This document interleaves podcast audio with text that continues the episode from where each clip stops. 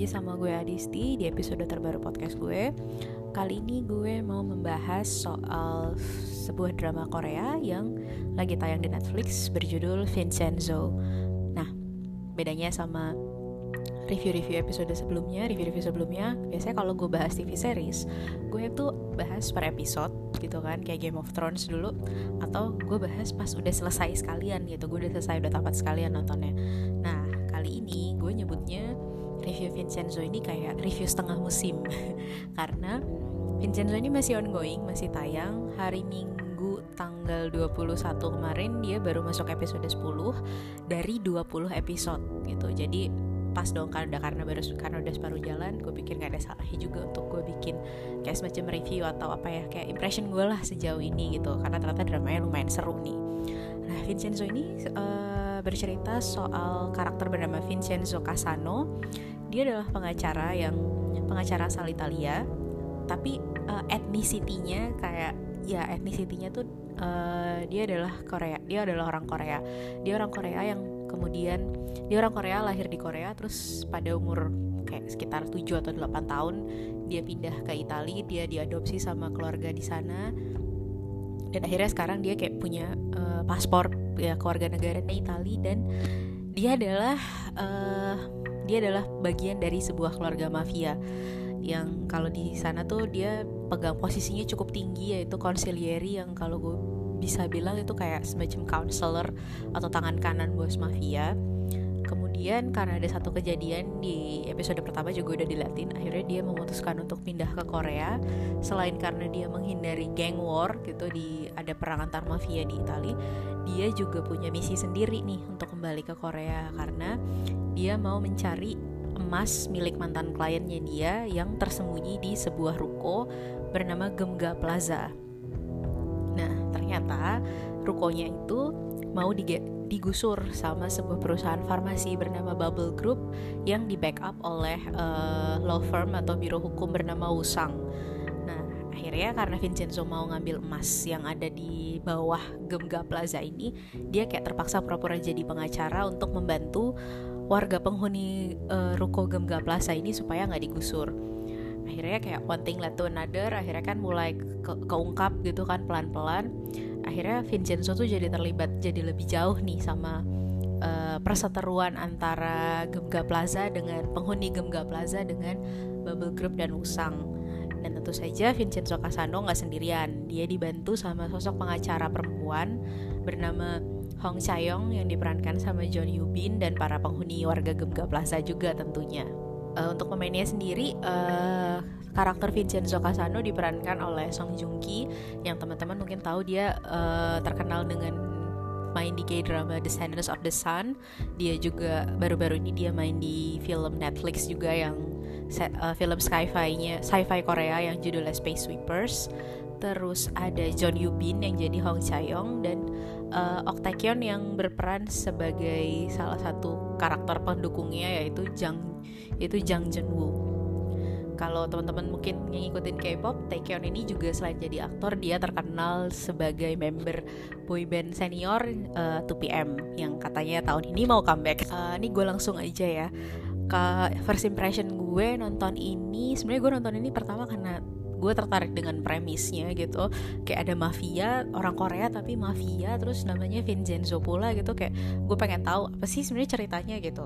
Terus ya udah akhirnya gue pilih gue nonton aja lah gitu. Um, terus kalau dari 10 episode pertama ini menurut gue Vincenzo cukup menarik karena nggak terlalu banyak mikir maksudnya nggak terlalu menguras banyak tenaga nggak seberat dugaan awal gue karena kan awalnya sempat gue berpikir bahwa wah ini kayak drama bakal serius nih tapi ternyata ya serius tapi tetap ada banyak momen-momen light hearted atau bahkan lucunya gitu. Cuma memang apa ya harus diakui bahwa waktu pas pertama gue nonton Vincenzo pas episode pertamanya itu memang agak agak ngagetin gitu buat pertama kenapa ngagetinnya karena adegan awal itu ini gue ngomongnya sambil ini gue ngomongnya spoiler aja ya. Jadi di adegan awalnya tuh kayak itu kan settingnya di Italia gitu uh, itu tone-nya tuh kayak serius banget kayak bakalan wah ini dark nih bakalan uh, bakalan yang dark yang gritty yang serius gitu. Tapi ternyata kemudian pas di si tokoh Vincenzo nya udah sampai di Korea uh, berubah jadi 180 derajat gitu tone ceritanya. Jadi transisinya tuh apa ya dari serius ke bercandanya tuh ke humornya tuh bur bukan buru-buru ya abrupt gitu loh. Kayak waduh kok tiba-tiba dia kok tiba-tiba jadi ngelucu perasaan tadi kayak masih serius gitu. Jadi apa ya uh, kalau kita nonton itu tuh pas kita nonton episode pertama tuh kita harus apa pas di tengah-tengah film gitu ya setengah jam pertama tuh kita akhirnya harus mau nggak mau mungkin harus riset ulang ekspektasi kita gitu yang tadinya mungkin berharap bakalan serius mungkin ya jadinya harus diterima oke mungkin ternyata uh, dramanya akan ada banyak unsur uh, slice of life-nya, ada unsur humornya gitu, tidak akan yang jadi dark, yang gritty atau yang berdarah ya katakanlah gitu berdarah-darah atau gimana. Ternyata nggak kayak gitu gitu. Buat beberapa orang mungkin uh, akan jadi turn off ya, kayak kok perasaan awalnya serius tiba-tiba jadi bercanda ini maunya drama ini ke mana? gitu.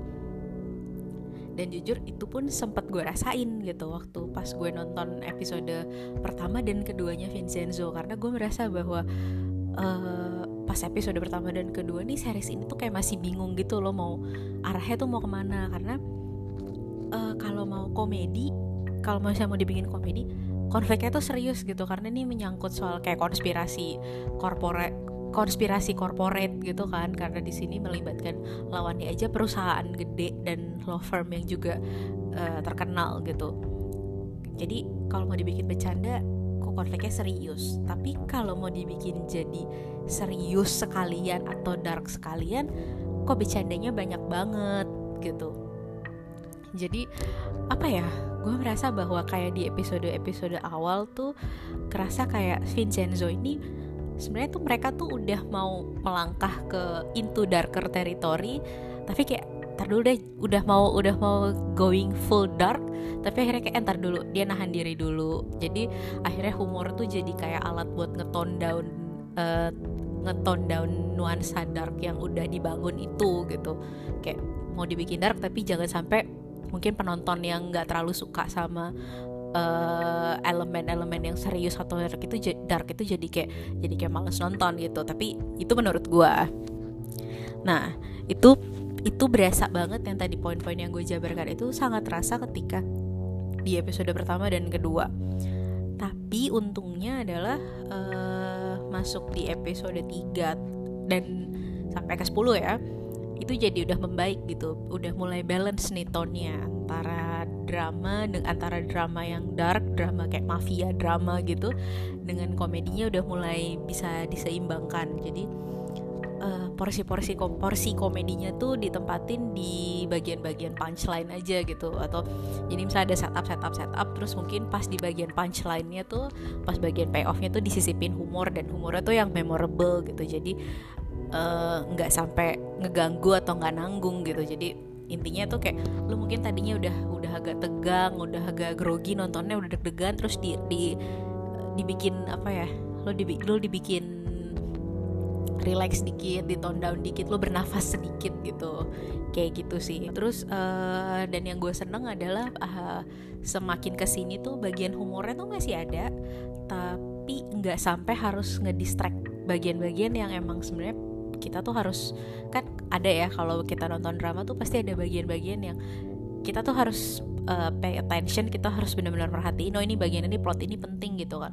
Ini dialognya penting karena mungkin ada hubungannya sama plotnya. Nah humor nah pas di bagian-bagian uh, humornya itu tuh nggak sampai ngeganggu part-part yang itu gitu. Jadi nggak sampai ngedistract kita jadi kayak kita lupa sama ini ceritanya sebenarnya apa sih gitu. Terus uh, apa ya di sisi lain kayak buat gue sih karena tonnya yang seperti itu gitu yang dia ingin mencampurkan antara drama crime drama dengan unsur komedi for better or for better or for worse kalau menurut gue sebenarnya pilihan penceritaan yang seperti itu tuh bisa jadi bikin kita tuh agak lupa gitu bahwa si tokoh utamanya yaitu Vincenzo ini sebenarnya tuh dia juga nggak bersih bersih banget gitu. Sebenarnya dia pun Vincenzo ini nggak pernah digambarkan sebagai karakter yang protagonis yang hero gitu. Tapi ya dia tuh kayak semacam sosok anti hero gitu yang punya flaw gitu. Dan cara penyampaian cerita seperti itu mungkin untuk sejenak bisa bikin kita lupa gitu bahwa ya karakter Vincenzo itu sebenarnya nggak he's not a noble character at all gitu. Maksudnya dia juga bisa he's he's probably as dirty as the villain. Nah tapi itu uh, mungkin nanti akan gue bahas lebih lanjut di bagian karakter kali ya.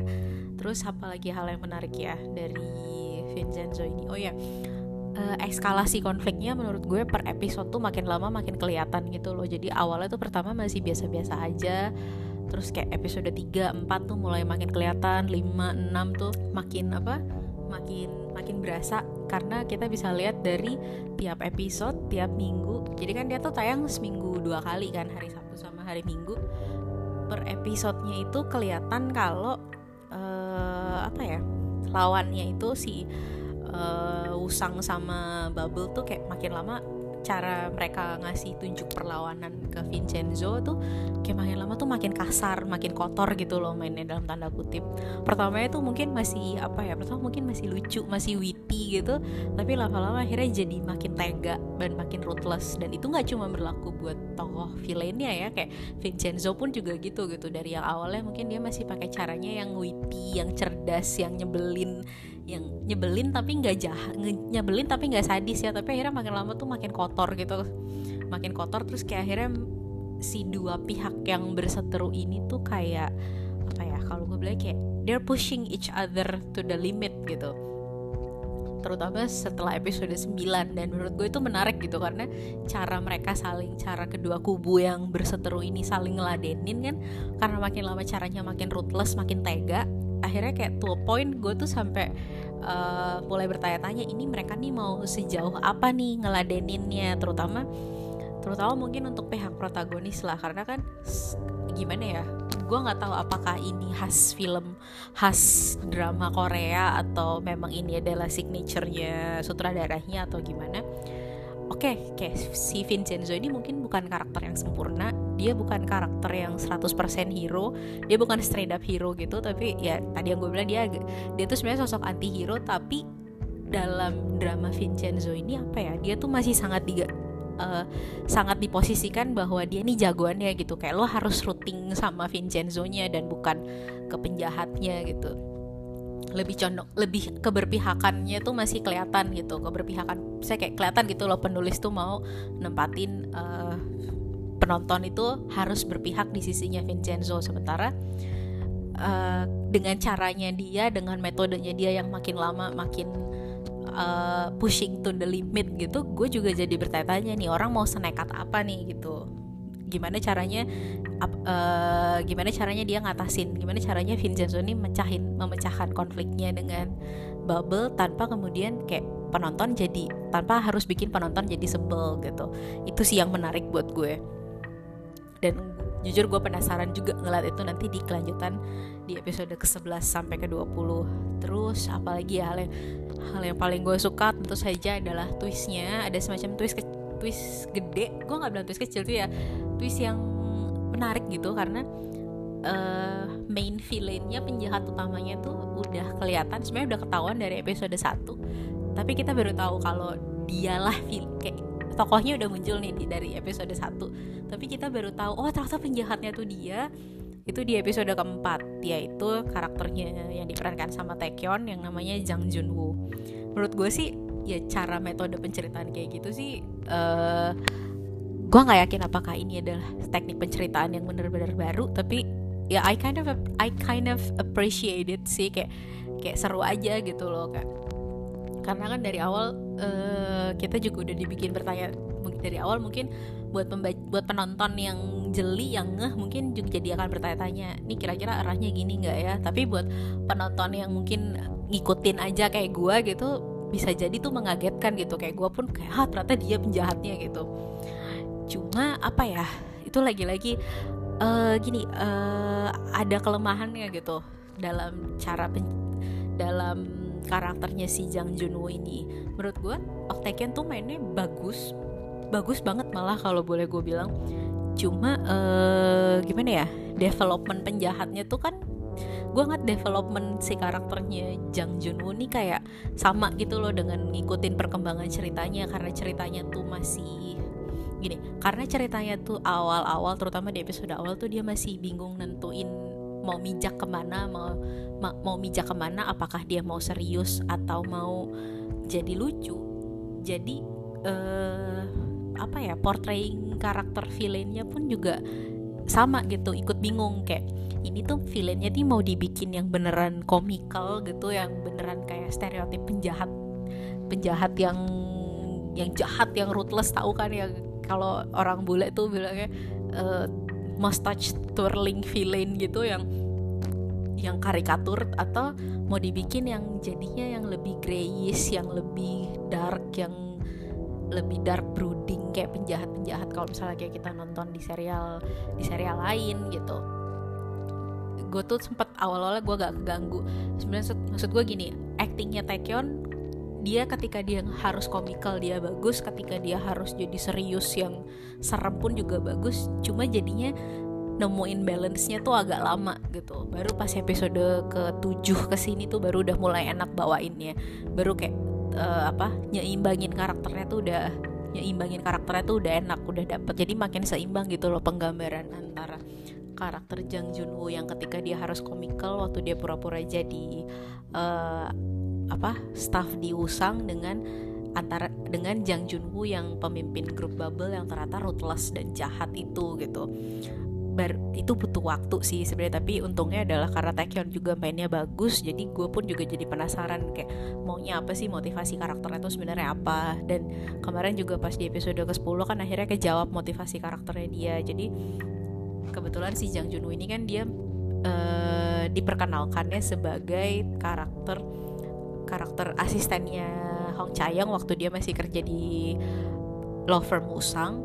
Tapi ternyata setelah itu baru ketahuan di episode keempat bahwa dia adalah bos besarnya Bubble gitu. Dan kemarin di episode ke-10 dijelasin apa motivasinya gitu. Walaupun sebenarnya cara penjelasannya tuh agak menurut gue agak kurang tapi ya udahlah tapi ya oke okay, gitu. Maksud gue mungkin gue nggak sepenuhnya yakin dengan apakah motivasinya itu cukup make sense gitu. Karena dia cuma bilang kayak dia cuma bilang bahwa gue tuh nyamar jadi gue tuh nggak mau ketahuan kalau gue jadi bosnya Usang karena gue karena kalau misalnya ada apa-apa gue bisa gue masih bisa menyelamatkan diri dan gue suka playing God kayak ya oke okay, boleh lah gitu. Mungkin mungkin bukan apa ya mungkin bukan motivasi paling orisinil yang pernah gue lihat bukan motivasi paling mind blowing yang pernah ada but at least I buy it and I think that's good enough.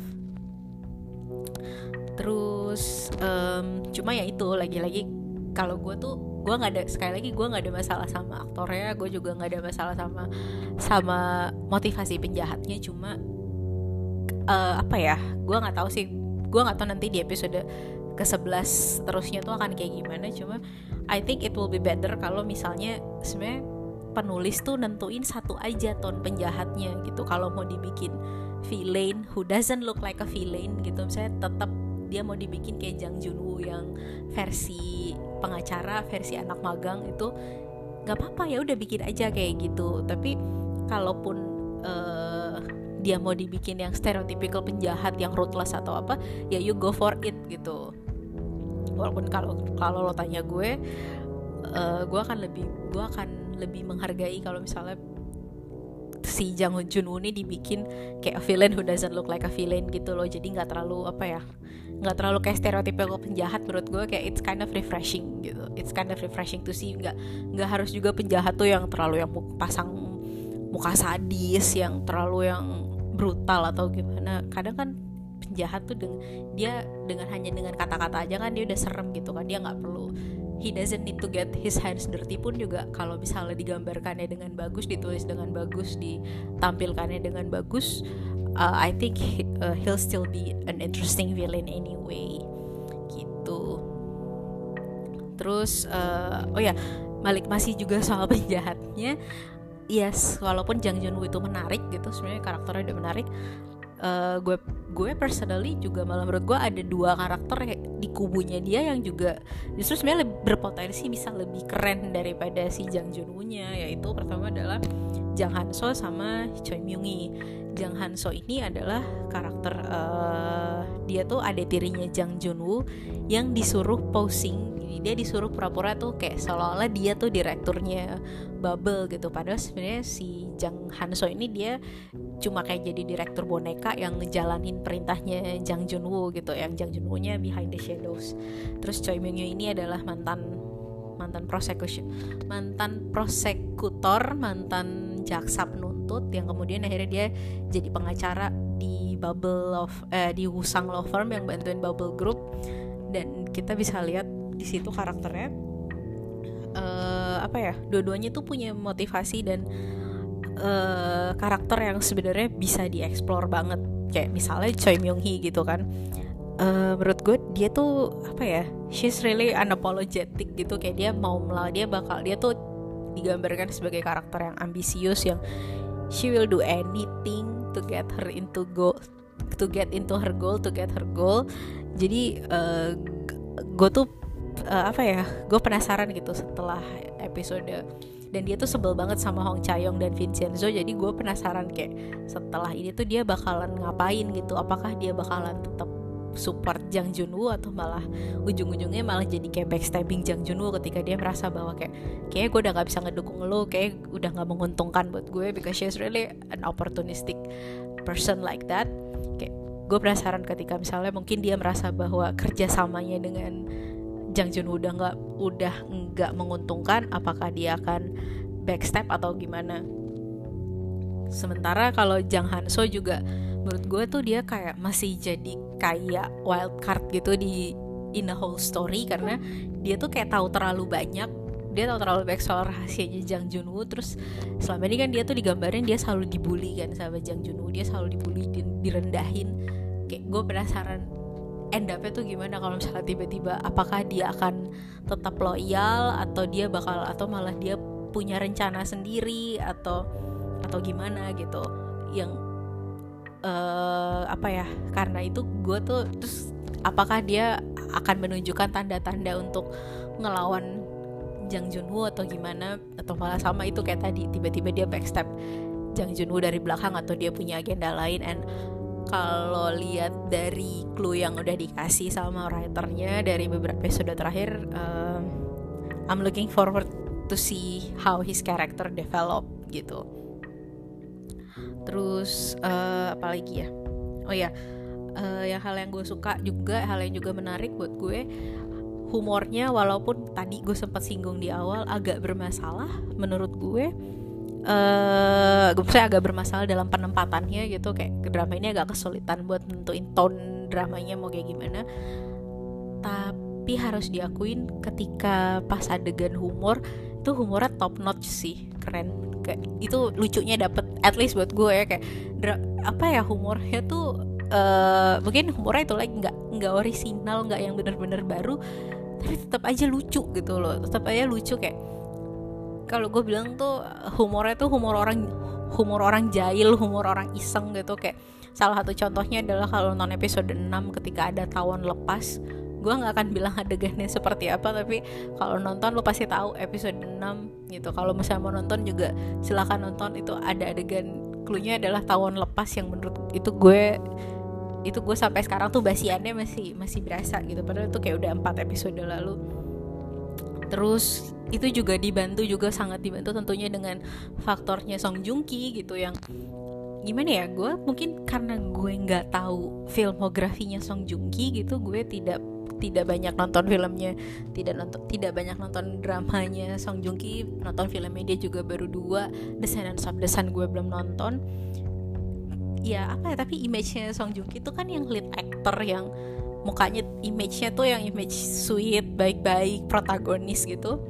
Tapi di sini tuh dia sama sekali nggak ada jaim-jaimnya gitu. Maksudnya dia tuh kayak lepas aja gitu ketika dia harus beradegan komedi nggak ada jam-jamnya dan which is which I think is very good karena kalau misalnya ton kalau misalnya pas adegan humor aktornya malah jaim kan jadi scene scene drama uh, scene komedinya tuh malah jadi jadi nggak enak kan ditontonnya malah jadi kayak kan malah kentang gitu kayak malah kentang dan nggak dapet. Tapi di sini kayak Song Joong Ki tuh dia mau beradegan aneh-aneh mau pasang muka aneh-aneh pun juga kayak dia nggak keberatan gitu.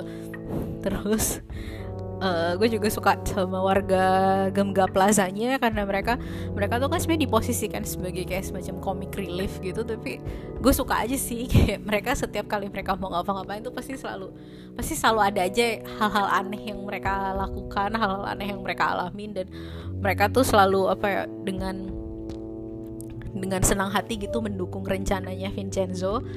Dan makin dan makin menarik karena setelah pas episode ke-8 atau 9 kan akhirnya mereka juga udah mulai tahu soal rahasia soal emas di Gemga Plaza. Nah itu gue menarik tuh ngelihat se uh, kan istilahnya warga Gemga tuh udah tahu ada emas tapi mereka nggak tahu kalau si Vincenzo juga tahu. Nah itu gue penasaran tuh ngelihat apa uh, kucing-kucingannya mereka ber kucing-kucingannya kedua pihak yang sama-sama nyari emas ini gitu.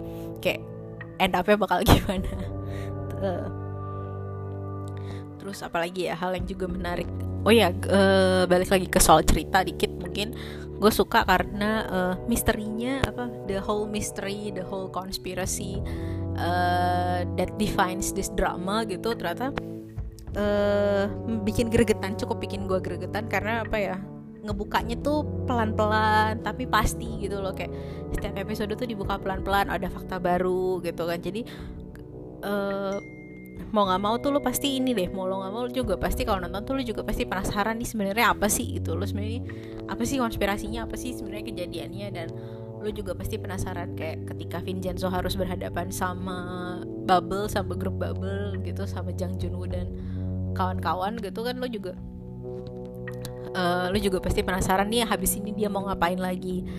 Terus yang bikin juga uh, menarik karena selain misterinya tuh menarik uh, apa ya stakesnya tuh gede gitu loh karena Vincenzo tuh boleh dibilang dia tuh cuma cuma kerja bertiga kan dia sama Hong Chayong sama ada satu lagi karakter asistennya yang dia pernah main di Hot Stove League kalau kalian tahu kalian harus nonton. Si nah mereka bertiga tuh ngelawan company perusahaan gede gitu di backup di backup sama biro hukum yang juga gede yang mereka tuh dan lawannya tuh punya power mereka punya power punya resource buat uh, istilahnya buat ngalahin Vincenzo dan mereka tuh juga kayak mereka they will do anything mereka tuh nggak kalah nggak kalah licik nggak kalah nggak kalah licik nggak kalah licinnya daripada Vincenzo. Jadi selalu menarik gitu loh ketika misalnya uh, si Vincenzo punya trik terus diimbangin sama karakter penjahatnya terus ntar Vincenzo tuh cara keluar dari cara problem solvingnya gimana itu itu selalu itu selalu seru gitu. Terus uh, selain itu ya itu mungkin dari tadi kita bahas dramanya tapi kita nggak pernah bahas karakternya. Karakter Vincenzo sendiri juga menurut gue cukup menarik gitu. Karena kalau gue bilang Vincenzo tuh kayak desain karakternya atau apa profil karakternya kan juga sebenarnya udah udah cukup interesting ya. Karena kayak gue nggak gue nggak tahu apa karena ini apa ini baru atau memang karena gue yang miskin referensi tapi kayak gue nggak pernah ngeliat ada karakter mafia orang Itali tapi uh, secara ethnicity dia adalah Korean gitu. Jadi sebenarnya dari situ aja sebenarnya udah seru kan dari udah udah seru udah menarik udah intriguing kalau buat gue apalagi yang main Song Joong Ki gitu. Terus tapi dan untungnya misalnya ya Song Joong Ki visually uh, visually pleasing he is the on the eyes gitu. Tapi actingnya pun juga menurut gue bagus gitu. Dia kelihatan banget berusaha untuk menghidupkan karakternya. Dia emang sih pas awal-awal tuh gue sempet agak uh, gimana ya maksudnya dia kelihatan masih agak ragu-ragu gitu. Ya grogi atau gimana tapi makin ya itu cuma episode satu pas adegan-adegan awal doang. Terus kayak makin ke sini tuh dia kelihatan udah makin nyaman makin makin menikmati peran dia sebagai mafia gitu kan dengan segala urusannya. Dan itu tadi yang gue bilang dia nggak takut untuk beradegan aneh untuk takut nggak takut beradegan komedi. Uh, cuma memang kalau gue berharapnya adalah ya ini personal preference gue berharap uh, Vincenzo tuh lebih apa ya dibikinnya lebih grace aja gitu. Kayak gue lebih pengen lebih lihat karakternya dia karakternya dia tuh uh, ngejak apa ngalamin internal konflik. Ya karena sebenarnya kan uh, dia tuh kenapa dia bisa terlibat untuk masalah uh, perselisihan dengan antara Gemga Plaza penduduk Gemga Plaza dengan Bubble dan Wusang ini kan sebenarnya karena uh, itu bukan karena dia baik atau karena emang dia pengen ngebantu for the altruistic reason tapi dia kayak punya alasan sendiri gitu. Dia punya motivasi sendiri and it's I think uh, it's safe to say that it's a very selfish one gitu karena dia nggak pengen dia nggak pengen lihat um, rukonya itu bisa rukonya itu diruntuhkan karena di situ ada harta ada harta yang mau diambil gitu kan. Nah cuma sebenarnya kalau gue tuh gue sangat berharap akan uh, karakter uh, penulis Vincenzo ini mengeksplor bagaimana dia kan udah istilahnya dia udah terlibat terlalu jauh nih dalam kasus hukumnya kasus hukum antara uh, Bubble dengan warga Gemga Plaza. Nah, gue tuh penasaran, gue pengen ngeliat gitu. Akhirnya, apakah dia masih tetap doing doing it all for the for all the wrong reason for all the selfish reasons atau malah dia udah mulai merasa bahwa kayak dia udah mulai ngerasa involved personally gitu kan ya itu kan sebenarnya kalau buat karakter yang katakanlah karakter mafia karakter penjahat yang bukan orang baik-baik itu konflik seperti itu kan sangat sangat menarik sangat sangat cocok untuk dieksplor and I hope that in the rest of 10 episode uh, writernya mau untuk going into that territory gitu.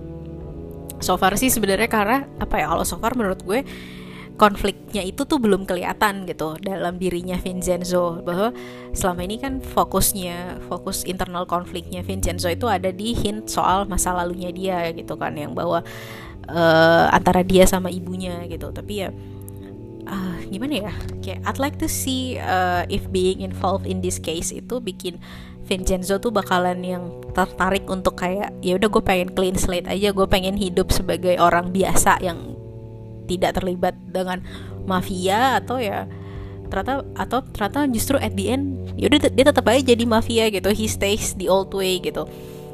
Uh, menurut gue sih uh, kalau misalnya dalam 10 episode terakhir writernya memutuskan untuk going into that territory gitu kan kita lebih explore soal sebenarnya Vincenzo ini siapa gitu kan dia maunya gimana how he decide uh, his direction of direction of his life after this after all of this after all of this is over.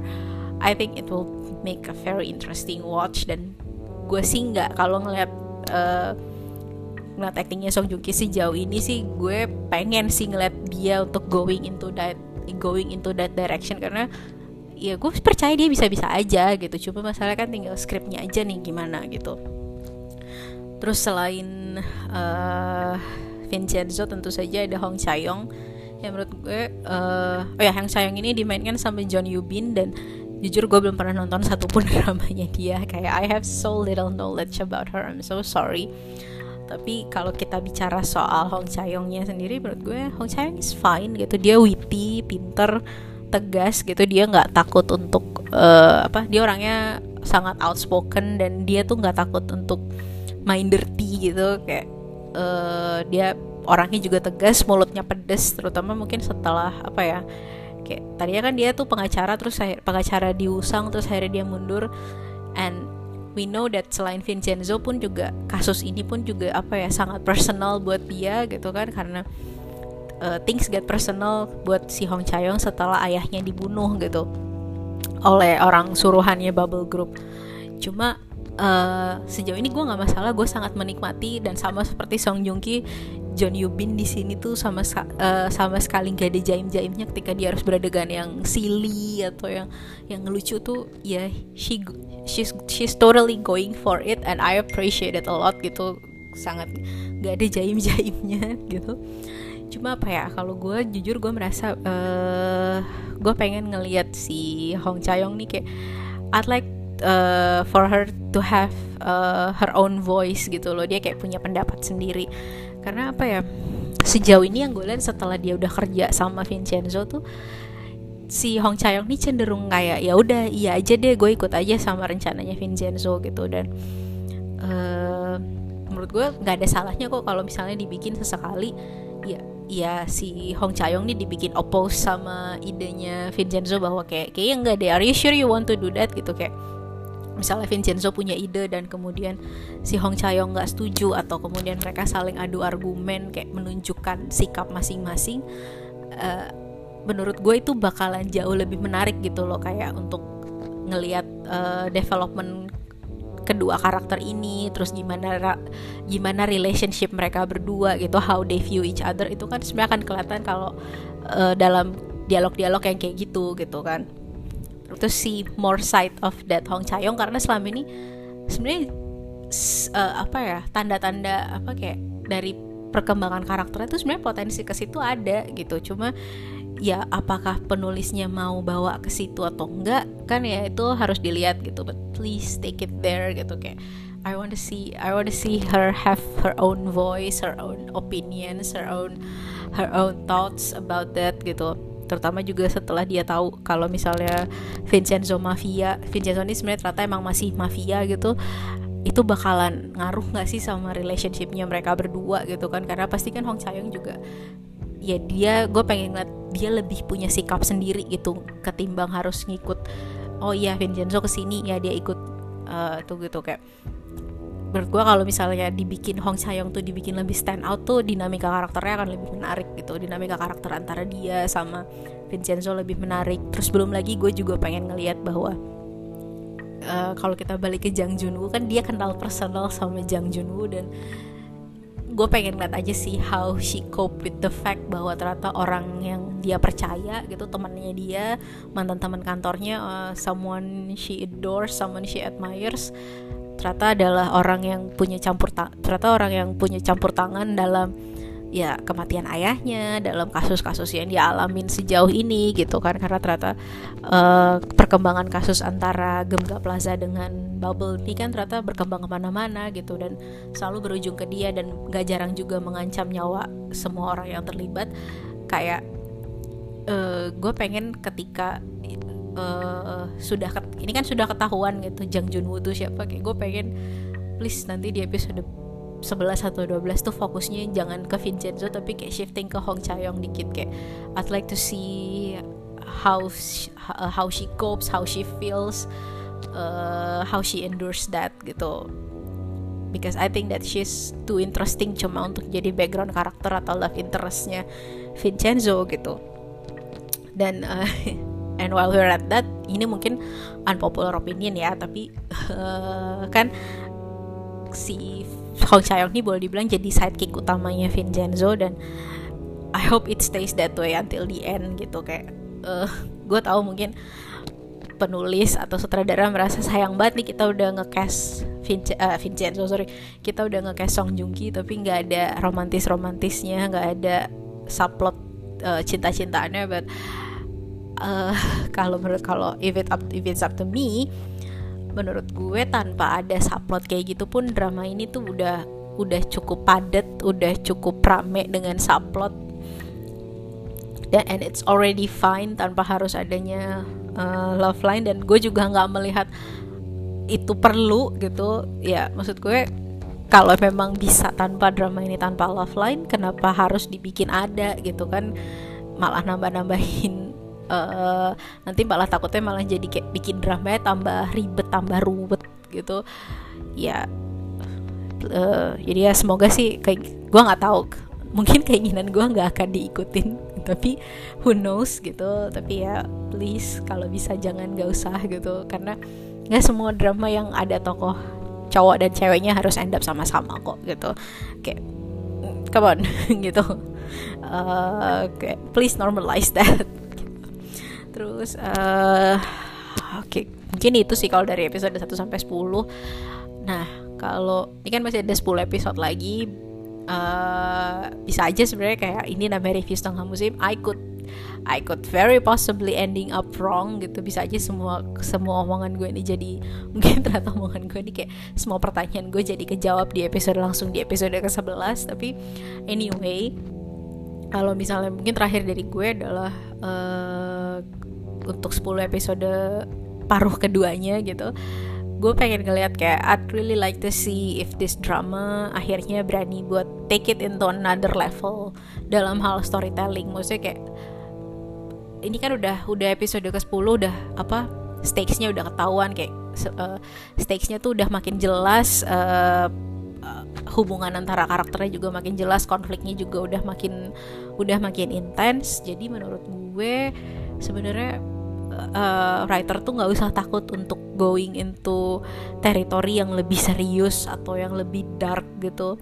Yang penceritaannya tuh penceritaannya tuh bisa lebih berani bisa lebih bisa lebih apa ya bisa lebih bikin gregetan lagi gitu. Nggak terlalu harus selalu bergantung sama humor untuk toning down untuk toning down di intensity kayak udah lah maksud gue ini dramanya udah udah udah udah tanggung udah kepalang serius sampai episode 10 please take it there gitu. Ya bisa dramanya tuh dikit-dikit aja gitu. Nggak usah jadi terlalu juga jadi main interest.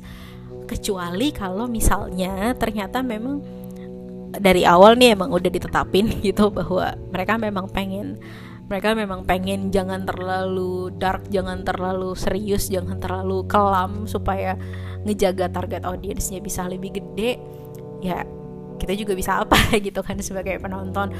But uh, if we disregard the whole rating things atau soal uh, gimana humor, how the humor ele actually elevates the story, kalau menurut gue serata setelah ini Vincenzo bener-bener mau dikejar temanya jadi yang crime drama yang serius yang bikin gregetan yang yang bikin orang makin penasaran jujur gue gak akan keberatan gitu. So we'll see in the next 10 episodes bakalan kayak gitu atau enggak tapi ya well sejauh ini sih uh, kalau misalnya harus disimpulin uh, Vincenzo tuh sebenarnya bukan drama yang perfect gitu. Tadi mungkin lo bisa udah denger ada beberapa hal yang menurut gue sebenarnya menarik tapi hal banyak hal menarik tapi uh, di di semua hal-hal itu pun juga ada pasti ada kekurangan-kekurangan yang gimana ya kayak kekurangan-kekurangan drama ini tuh kayak it's almost impossible to ignore them gitu loh. Pasti kelihatan gitu oh ini kurangnya di sini kurangnya di sini.